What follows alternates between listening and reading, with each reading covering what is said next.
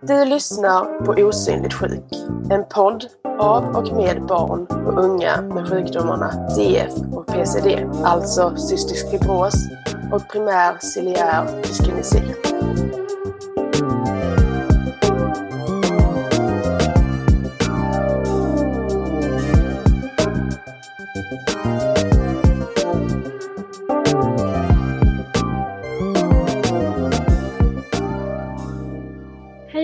Välkomna till det här poddavsnittet som handlar om tonåringen med, eller tonåren med CF.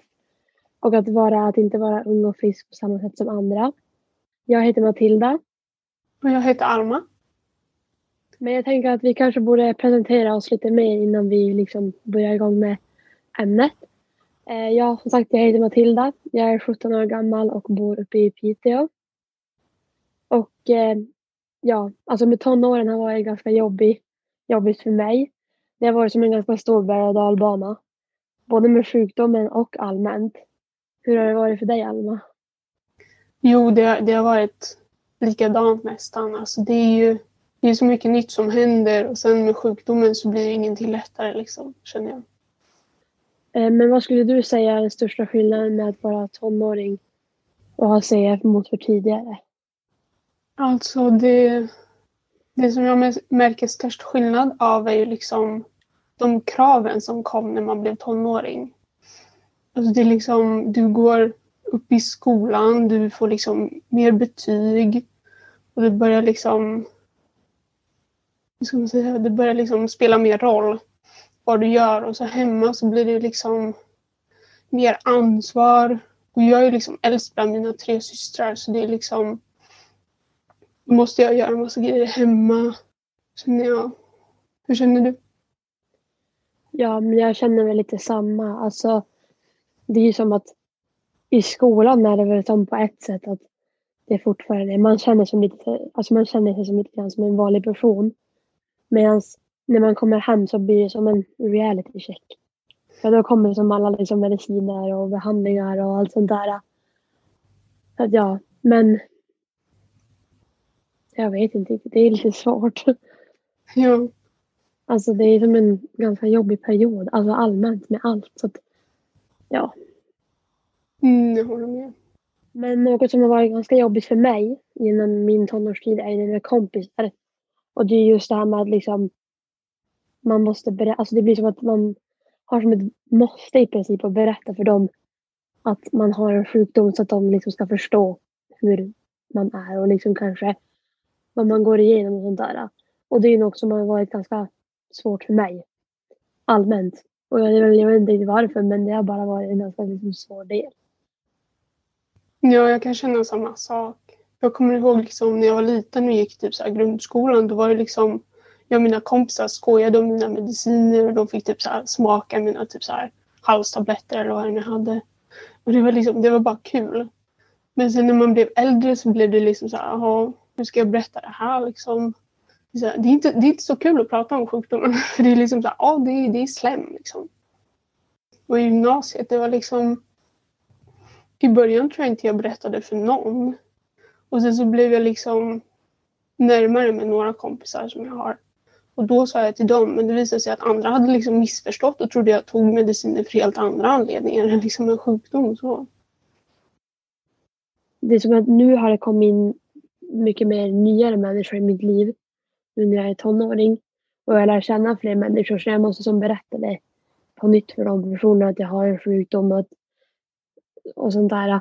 Medan förr när man var mindre så kanske det var typ ens föräldrar som berättade för typ lärare att man hade en sjukdom och det var lärarna som liksom spred vidare. och Bara, men typ Matilda har en sjukdom, det är därför hon tar mediciner och sånt där. Eh, så det är kanske det som är lite skillnad. Nu måste liksom jag berätta. Det är jag som måste sprida vidare att jag har en sjukdom. Typ sånt. Ja. Alltså när jag var mindre så hade jag väldigt lätt för att berätta om min sjukdom. Jag kunde liksom stå och ha powerpoint-presentationer framför min klass. Alltså liksom där jag berättade om min sjukdom. Och det var liksom inga problem för mig alltså då. Men sen när jag typ kom upp i, och blev äldre så var det som att, det var som att man blev som liksom man började tänka på det här med, ah, men tänk om jag, de ser mig på ett annat sätt. Tänk om de säger dumma saker om mig för att jag har en sjukdom. Tänk om de blir mobbad för det. Alltså, och sånt där. Och det, tror det var som att det kom in så många andra tankar då. Men alltså nu är det också som att det har, lite, det har gått lite upp och ner. Nu är det lite grann att nu är jag som tillbaka till det där när jag var mindre. Att, att jag menar alltså, jag kan berätta om min sjukdom, det är inget problem med det. Alltså för att om någon ska vara i mitt liv länge, om jag känner, lär känna dem nu och jag kommer alltså, ha dem som kompisar länge, då är det bara bra att de vet det. Jag vill inte hålla det inom mig och sånt där. Jag kan känna att liksom i just 13, 14, 15 så kan man ju vara så osäker på sig själv. Och liksom på vem man är och liksom hur man ska vara. Att man kanske liksom inte vill blanda in sjukdomen i mixen för någon annan. Liksom. Då vill man ju liksom bara vara normal tror jag liksom, och låtsas för sig själv kanske att man är normal. Liksom för att inte behöva tänka lika mycket på det för det kan ju vara jobbigt och så just i den tiden tror jag. Men sen också, det går ju upp och ner. Tycker jag. Alltså, i, ibland har jag liksom jättebra dagar. Då kan jag liksom säga allt jag vill. Men annars är det så här bara, nej. Vi borde inte berätta. Och jag känner också liksom att det, jag vet inte riktigt hur jag ska berätta det för folk nu för tiden. Det är liksom, det är så här, jag kan prata jättelänge om min sjukdom. Det är liksom, den är så komplicerad, så invecklad. Jag kan sitta liksom med typ så här, jag vet inte vad, hur länge. Men det är, jag känner ingen annan skulle vilja höra på det. Så att försöka korta, korta ner det blir också så konstigt för då måste man lämna ute saker och det blir inte en hel bild.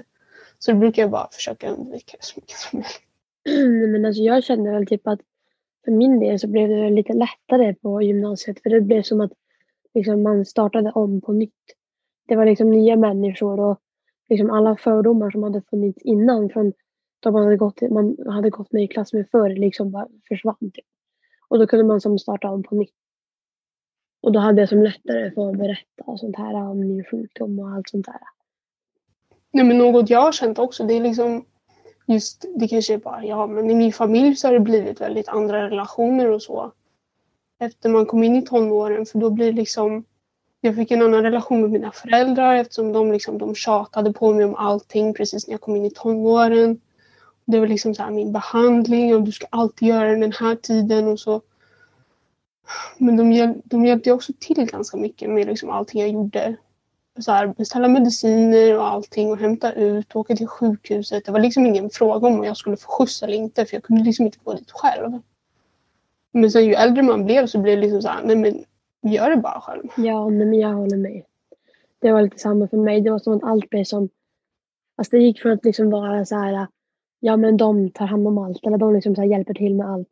Till att helt plötsligt liksom, alltså det bara ändrades. Och då var det som att då var det mitt ansvar. Då skulle jag liksom hålla koll på allt och jag skulle, alltså sånt där. Och det var lite, ja, konstigt. Alltså, men det, man börjar ju som vänja sig lite grann nu, men alltså det var lite, ja. Ja, I början, alltså jag kände, alltså jag blev jättearg hela tiden liksom. Kan de inte bara hjälpa mig? Kan de inte se hur jobbigt det är liksom? De måste ju vara där. Nu, nu har man ju vant sig lite. Men det är jobbigt i början skulle jag säga när det kommer till alla konflikter som vi har haft liksom, mellan oss så var det ju liksom allt tjat och det gjorde ju att vi stod och skrek på varandra jättelänge när jag var mindre. För det var liksom, jag ville inte det men de visste ju att jag behövde tjatas på och till slut så blev det liksom Nej men alltså det här kommer inte funka. Så det liksom gradvis så blev det att de tjatade mindre. Dels för att jag sa åt dem att sluta men också för att jag började ta mer ansvar själv och så och göra saker ordentligt. Liksom. Jag tycker att nu på senaste har det varit som att de har fått tjata på mig lite mer. Men det är också för att jag har ganska mycket som pågår, pågår just nu liksom runt om mig. Så det är lite allt möjligt. Men alltså liksom, ja, jag vet inte. Sen så har jag en brorsa också som har haft samma sjukdom. Så de har liksom gått igenom det här en gång tidigare. Så att det blir som att de är ju vana. De vet ju hur de ska göra. Så att det är ändå inte så mycket bråk om det men det händer väl ibland. Jag och mina syskon bråkar också jättemycket om alltihopa. Jag är äldst och ensam med sjukdomen så mina föräldrar de, liksom, de misslyckas med allt med mig och sen så kan det gå bra med mina syskon. Men jag tycker att ha konflikter med sina föräldrar är väl något som är ganska vanligt. Oavsett om man har sjukdom eller inte. Det är väl som typ en del av tonåren antar jag. Ja. Jag skulle säga att en grej som skiljer från att vara tonåring som med att ha CF än vad det gör för andra är ju kanske att det blir som en blandning. Det blir kanske både en dålig blandning och en bra blandning med alla känslor som man får i tonåren. Och att man har en sjukdom. För det blir som att allt packas på. Typ mer än vad vanligtvis. Och det blir som att det läggs så mycket mer ansvar. Just det här med medicinerna. Och det kommer ansvar från skolan och ansvar från andra håll. Och det blir som att det blir alltså, kanske mer än vad alltså, andra har. Det är vad jag tänker i alla fall. Men... Jo, nej, men jag håller med. Alltså, det, det är ju så. Eh, jag tycker det är jätteorättvist ibland. Alltså, att jag ska ha lika mycket skolarbete men liksom två timmar mindre tid av min fritid eftersom jag måste göra behandlingen varje morgon och kväll. Och liksom så. Och det är, jag ska hinna med att liksom vara med min familj och sen så ha ett socialt umgänge också. Så det känns ju... Det känns som det är lite mer press liksom. Ja, men eh, hur tycker du att det är liksom, de har pratat med dig på sjukhuset om så här alkohol och tobak då, Matilda? Alltså, jag tycker att allmänt att informationen om det är ganska dålig. Jag i alla fall har inte fått så mycket information om det. Utan det har jag mer fått från mina föräldrar. Och man tänker som att det är kanske informationen om det borde komma från liksom läkarna och sjukhuset. För att det är som en ganska viktig del av tonåren också. Alltså, speciellt där jag bor. Här är det mycket fester av ton, alltså bland tonåringar. Alltså extremt mycket. Så man påverkas ju ganska mycket av det och då tänker jag att det är kanske något som är ganska viktigt att lyfta. Och liksom ta fram och prata om och sånt där. Vad tycker du? Jo, jag håller med. Jag har faktiskt inte heller fått så mycket information alls om det från vården. Och det är liksom, jag känner, precis som du sa, speciellt i tonåren så är det viktigt att informera om det här och liksom säga vilka risker det kan finnas om man har liksom CF eller andra sjukdomar. Och liksom, um, om man skulle liksom prata med det om sina föräldrar kanske inte skulle ha samma effekt som om sjukvården skulle säga det. Liksom, känner jag. Men exakt. Nu har ju inte jag riktigt något behov av att dricka alkohol som mina kompisar har till exempel. Det är väldigt många som gör det av de jag känner. Men själv så har jag inte gjort det. Jag känner inte heller att jag vill göra det förrän jag fyllt 18 i alla fall. Ja, jag känner samma. Det blir så konstig stämning tycker jag när ens kompis kommer bara nu har jag festat och druckit alkohol och jag bara okej. Okay. ja. Men sen, jag visste faktiskt inte alls att man kunde få leverproblem om man hade CF och drack alkohol så det var, det var lite nytt för mig.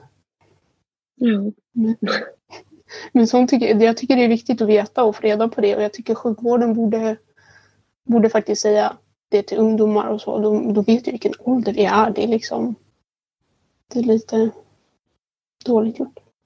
Men tänker du att du kommer dricka mycket alkohol sen i framtiden när du får dricka då? Nej, alltså det tror jag verkligen inte.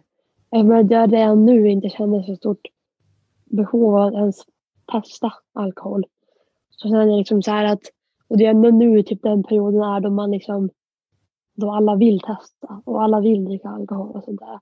Men jag inte riktigt, alltså jag känner, jag känner inte det behovet.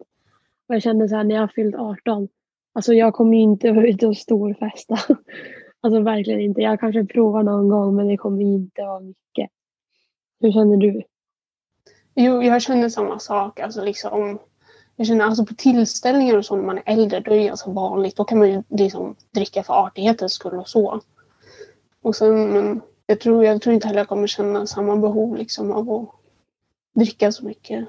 Så Alltså jag har, inte, jag har inte varit i ett sammanhang där jag skulle dricka med mina kompisar så jag kan inte säga så mycket om det. Men alltså jag tror just mina kompisar skulle inte vara så pressande känner jag. Alltså de, det, jag vet många som inte dricker liksom bland mina, i mitt kompisgäng och så.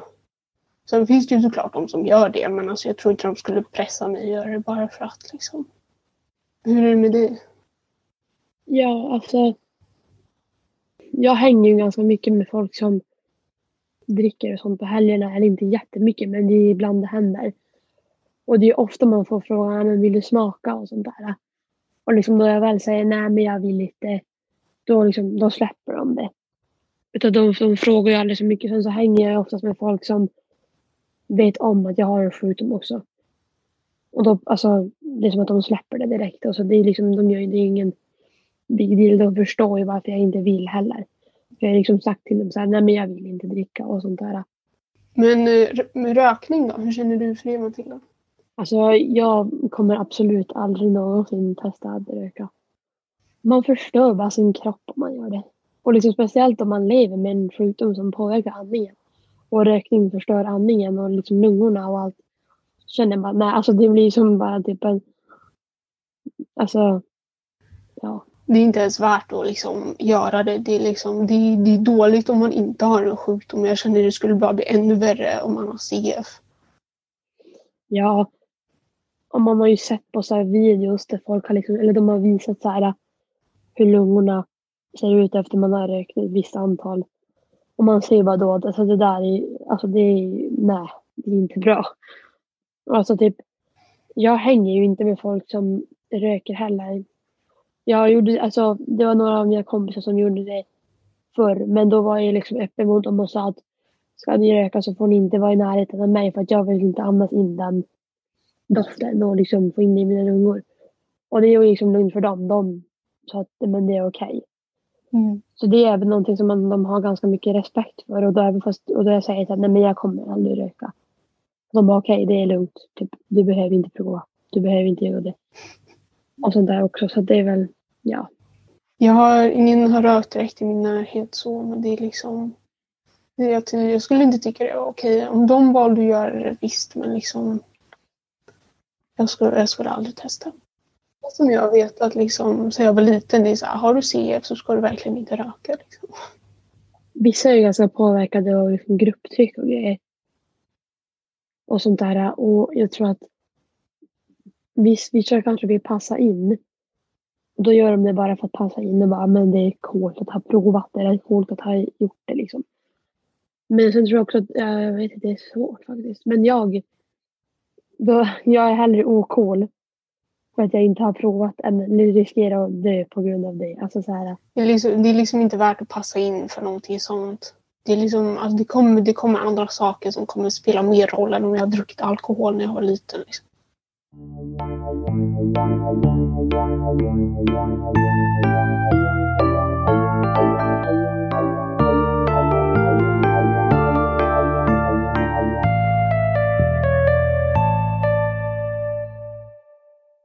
liksom onormal kan man ju känna sig på många andra sätt inom sjukdomen också, tänker jag. Inte bara när det kommer till alkohol och tobak, för det är liksom... Det är ju behandlingen och så är det medicinerna och det är liksom...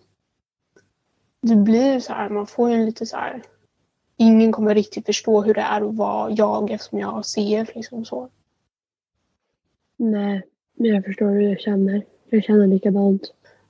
Alltså jag hade många perioder när jag var liten och jag tyckte det var så konstigt och att det var, det var så unikt att ha sjukdomen. Vissa stunder var det bra och så vissa stunder var det jättehemskt och så kände jag mig bara mådde dåligt liksom. Alltså det har varit lite samma för mig. Alltså det har gått i perioder. Ena stunden har varit såhär, men alltså typ jag fick sjukdomen av en anledning. Det är liksom så är det bara. Sen så kan det vara andra stunder där jag var så här typ tycker att jag är liksom typ konstig och dum och allting för att jag har en sjukdom. Så det går liksom lite i vågor men... Ja, det är liksom upp och ner hela tiden. Men sen liksom acceptera sin sjukdom och så, alltså det tar, det tar jättelång tid. Det finns dagar när jag tror att jag har accepterat liksom, ja men jag har CF, det är lugnt och sen så kommer nästa dag och jag bara nej, jag hatar det här. Det kan bli så här också. När man kommer sådana här dagar de är typ bara, ja men, ja men som du sa det här med att jag har accepterat sjukdomen. Och det är typ så här och sånt. Och sen så kommer det dagar när man bara verkligen inser så här jag kommer faktiskt typ dö med den här sjukdomen. Jag kommer, alltså, vet, allt bara kommer på en och samma gång. Och är så här, allt, då, är, då är det bara hemskt. allt sånt. Jag tror, jag tror ganska många kommer gå igenom det liksom i tonåren och så. Alltså det är ju en stor del av tonåren att man liksom det här mycket känslor på en och samma gång. Så att det är något som är ganska vanligt men sen kanske vi känner lite an, kanske annorlunda känslor än vad de känner. Med vår sjukdom och sånt det blir väldigt mycket liksom så här, själva acceptans och liksom inse att man kommer behöva leva med den här sjukdomen och det liksom, ska man kämpa emot eller ska man liksom bara ta till sig det och det är liksom, det är så mycket på en gång. Ja, men det blir som lite grann när man måste, det låter det konstigt men man måste typ liksom acceptera livet lite mer. När man har en alltså, sån här sjukdom också. Att det blir som att man måste som, acceptera att ja, men jag har faktiskt den här sjukdomen men det kommer jag ha hela mitt liv. Och jag kan inte göra någonting åt det. Jag får bara liksom göra det bästa av situationen. Och liksom, oavsett hur jobbigt det är, speciellt när man är de tiderna i tonåren och allt. Så liksom, det finns så mycket, så mycket man kan göra egentligen. Alltså. Men man får liksom försöka leva utan att begränsa sig själv inom sjukdomen också. Det är liksom, man får ju liksom veta att den är där och veta ja, jag kommer behöva ta mediciner men det är liksom Nej, man ska inte bara stanna hemma. Man ska inte bara liksom begränsa sig själv. Liksom, trots att man har sjukdom. Jag kommer ihåg alltså, när jag var mindre. Jag, det var liksom Klockan fem skulle jag vara hemma oavsett om jag lekte med kompisar eller inte. För då skulle jag göra min behandling och så var det bara det och allting tog slut där. Liksom. Och det var ett ganska stort steg för mig liksom, att komma in i tonåren och liksom bara inse att jag kunde röra mig friare. Liksom. Jag kunde liksom vara mer flexibel med mina tider och min behandling och så. Mm. Ja, men hur känner du för dating och så med CF? Är det speciellt på något sätt eller? Är du tillsammans med någon förresten Matilda? Ja, det är jag. Och jag har även liksom dejtat folk eller vad man kan säga tidigare. Och det är något som är ganska, alltså det är som ett ganska privat ämne eller vad man ska säga. Alltså, just det här med relationer när man har en sjukdom är något som är ganska viktigt och liksom just att man, när man har en relation, en kärleksrelation, så är det ganska viktigt att ändå kunna berätta att man har en sjukdom. Just för att när man är i en relation så kommer ju den personen att få reda på det till slut. Ja. Så det går liksom inte att gömma det på något sätt. Men i den relationen jag är i nu så visste redan den personen om sen innan att jag hade en sjukdom. Så jag behövde liksom inte riktigt ta det snacket. Jag, kunde, jag behövde liksom berätta för han, för han liksom vad det var och liksom innebar. Och han har ju tagit det väldigt bra. Han är ju liksom alltid stöttar mig och hjälper mig med min sjukdom om jag behöver det. Medan när jag hade dejtat folk innan så berättade jag aldrig för dem att jag hade en sjukdom. Så de var ju liksom helt ovetande om det. Men jag tycker att jag har lärt mig lite grann av det. Att det kanske är ganska viktigt att berätta om det för att just när det är en så pass, pass stor del av sitt liv. Men sen så tror jag även att vad jag har hört från andra, när jag har hört andras relationer så tror jag att det här, alltså hela liksom med kärleksrelation och hela relationbiten är nog egentligen inte så annorlunda när man har en sjukdom. Vad, vad tänker du kring det? Alltså jag kan ju tänka mig att man har ju liksom andra behov och så liksom. Man, måste, man har väl andra tider och så att följa och liksom så, så jag känner att det är viktigt att vara öppen i sin relation liksom, så att man kan lita på varandra så att det inte känns liksom, som man gömmer någonting. Det känns nog lättare om personen innan liksom, vet att man har sjukdom så slipper man säga Ja, nej, det här är liksom konstigt med mig. liksom så.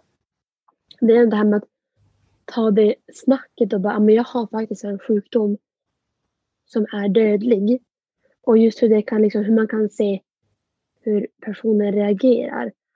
Och det är liksom så här, man vill typ inte, alltså det är liksom lite o, alltså läskigt att typ berätta för att man vill som inte bli, alltså, ja man vill inte bli behandlad på ett annat sätt bara för att man har en sjukdom.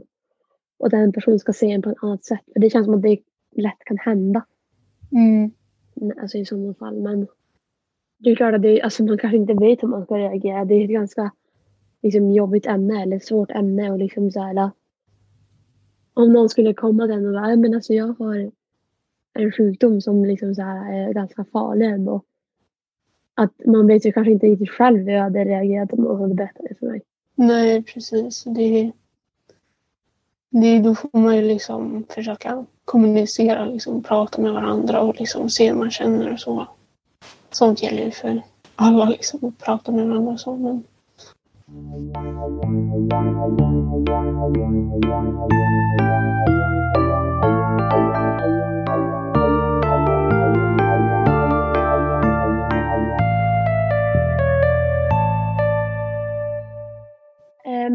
psykisk ohälsa är ju något som är ganska vanligt allmänt också i tonåringen för folk som inte har en sjukdom och för folk som har en sjukdom. Men eh, hur känner du med det här med psykisk ohälsa? Har du haft något problem med det eller? Alltså, jag, kan ju, jag, jag själv har inte haft så mycket problem och så med psykisk ohälsa. Det har liksom bara varit normalt tonårs, liksom, tonårs trubbel kanske man kan kalla det. Liksom när jag har gått upp och ner i humöret och så. Men jag har ju liksom hört att det, det kan ju vara jättejobbigt med psykisk ohälsa för CF. Eftersom matpressen är ganska stor så är det vissa som utvecklar ätstörningar och så. Jag kan förstå att det kan vara jättejobbigt liksom. Själv så har jag, jag tror inte jag har någonsin hade en tendens för det. För liksom jag fick ju min sjukdom när jag var fem år. Då, hade jag, då var jag ganska undernärd. Liksom. Min viktkurva var ju liksom långt under normalt. Men sen så fick jag ju massa IV-kurer och grejer och så, så började jag liksom gå upp ganska normalt tyckte jag. Och jag åt ju, jag fick ju i mig näringen som jag åt mer när jag började på mina mediciner. Så för mig blev det en ganska bra övergång liksom mellan så här att liksom få mediciner, börja hitta liksom hur mycket jag borde äta för att få i mig tillräckligt med energi och så. Och sen så har det liksom bara varit en ganska bra kurva för mig. Så jag känner att jag har haft väldigt tur där. Men hur är det för dig Matilda? Ja, alltså, men det är lite samma för mig. Alltså, jag har typ inte alltså, haft så mycket psykisk ohälsa. Det är väl lite grann som du sa, det här med de vanliga tonårsgrejerna. Och sånt där att man kanske har varit lite deppig, lite nere. Och sånt där. Men jag har typ aldrig haft något problem med liksom, att äta heller. Alltså, jag har aldrig haft någon ätstörning. Jag har liksom alltid tyckt om att äta och alltid gillat mat. Och, alltså allt. Så att liksom, jag vet inte riktigt. Sen har jag ju varit, alltså, jag har haft folk i närheten som har haft problem med både självskadebeteende, självmordstankar, ätstörningar och allt sånt där. Och det är jobbigt att se andra må sådär dåligt och jag kan tänka att det är lite svårt att sätta sig in, alltså det är väldigt svårt att sätta sig in i en, den situationen och hur det är för dem. Liksom så här, men jag tror att psykisk ohälsa är något som är väldigt påfrest, påfrestande. Ja, och det är ju individuellt för alla också. Liksom. Det är olika orsaker, olika så. Ja. Men jag känner alltså liksom när man mår dåligt, alltså jag, nej, jag brukar oftast bli väldigt stressad över skolarbete och liksom vill göra min behandling bra för sjukdomen och så. Men då brukar jag liksom, jag brukar försöka koppla bort en stund liksom för att, för att inte tänka på det lika mycket och läsa upp mig själv. Hur brukar du göra för att liksom må mindre dåligt? Alltså jag vet inte, jag brukar väl typ försöka omringa mig av folk som jag mår bra av att vara med. Och sen så liksom, jag är en, en sån här person som brukar gilla att prata ut med folk. Så jag pratar också med folk för att liksom lätta på hjärtat eller vad man ska säga. För att, få, för att må lite bättre. Men sen så, det är lite olika också vad det handlar om. För att just om det är någonting, om man är lite nere eller deppig på grund av sjukdomen. Så är det, lite, alltså det är svårt att prata med någon. Alltså det finns inte så många att prata med om det. För det är inte så många som förstår hur man känner. Men eh, sen om det är allmänna saker som andra går igenom också, då försöker jag bara prata med folk kanske typ som har varit med om samma sak och fått tips och sånt där. Men ja, det är lite olika. Ja, men jag förstår det där med att det är svårt att prata med någon om sjukdomen. Liksom. Det, är så här, det, låter, det låter bara som jag klagar om jag säger att det är jobbigt. Liksom. För det är liksom, man förväntar sig att man ska ha accepterat det och liksom vara okej okay med det hela tiden. I alla fall i min familj känns det så. Och de kommer aldrig förstå riktigt hur det kommer att vara. Så det är, jag tycker det är ganska jobbigt då. Liksom. Ja, jag känner lite samma. Något som jag kanske personligen hade velat veta alltså innan. Att någon skulle ha sagt till mig typ så här, men typ lita på dina föräldrar. På det de säger. För de, att de vet mer än vad du tror. Och typ så här, alltså när de faktiskt säger att du måste sköta dina mediciner och du måste göra si och du måste göra så. Så är det bara att de menar det med liksom, de menar det bara väl. De säger det inte för att bara säga det utan de menar faktiskt det med mening. Ja, jag kan förstå det. Det, det, det är verkligen sant. Alltså jag kommer ihåg så många gånger jag skitit i det mina föräldrar har sagt och så, så har jag insett att det var, det var rätt i alla fall. Det hade sparat mig så mycket tid och liksom, ansträngning att bara göra som de hade sagt från början. Liksom. Ja. Men någonting annat jag hade velat höra när jag var på väg in i tonåren är liksom oavsett vad som händer, liksom, det, det kommer kännas skit under ett tag men någon gång så kommer det bli liksom okej. Okay. Det kommer finnas stunder som kommer vara bra i alla fall. Liksom. Det kommer gå upp och ner, fram och tillbaka. Någon gång ibland så kommer det kännas bra i alla fall. Så. Det kommer vara en enorm berg och dalbana men det kommer bli bra till slut. Ja, men på något sätt skulle jag liksom inte byta ut den här tiden mot någonting i alla fall. För det har liksom lärt mig så mycket. Det har utvecklat mig så mycket som person. Och liksom, eftersom om man inte går igenom det här så kan man liksom... Jag vet inte var man skulle hamna i livet då. För det, det behövs på något sätt. Nej, men exakt. Ja, till alla blivande tonårsföräldrar. Det är så här, alltså, det måste, man måste lita på varandra. Om Matilda sa att liksom, de med CF måste lita på sina föräldrar så måste föräldrarna lita på barnen också. Det, är som, äh, det spelar ingen roll vad de säger. Jag skulle ändå alltid behöva bekräfta det igen. Även för att liksom bara kolla så att jag vet att det är rätt. Inte för att någon har sagt åt mig det. det måste vara, man måste lita på varandra även när det blir jobbigt. Ja, och sen så typ ett litet råd kan ju också vara att det är en ganska jobbig period för tonåringar allmänt och liksom att man kanske inte allt de säger kanske man inte ska ta på största allvar. att det kan vara vissa saker som blir lite överdrivna och sånt men att det, ja. man kanske inte behöver ta allt på allvar med det de säger. Vissa saker kanske men inte allt. Yes, det här var allt för den här gången. Eh, jag hoppas att det var kul för er som lyssnade och att ni kanske har lärt er något eller känt igen er i något det vi har sagt.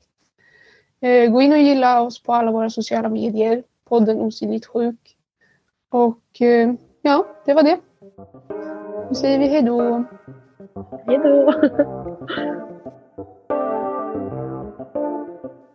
Du har lyssnat på Osynligt sjuk som finansieras av Arvsfonden och samordnas av Riksförbundet Cystisk fibros.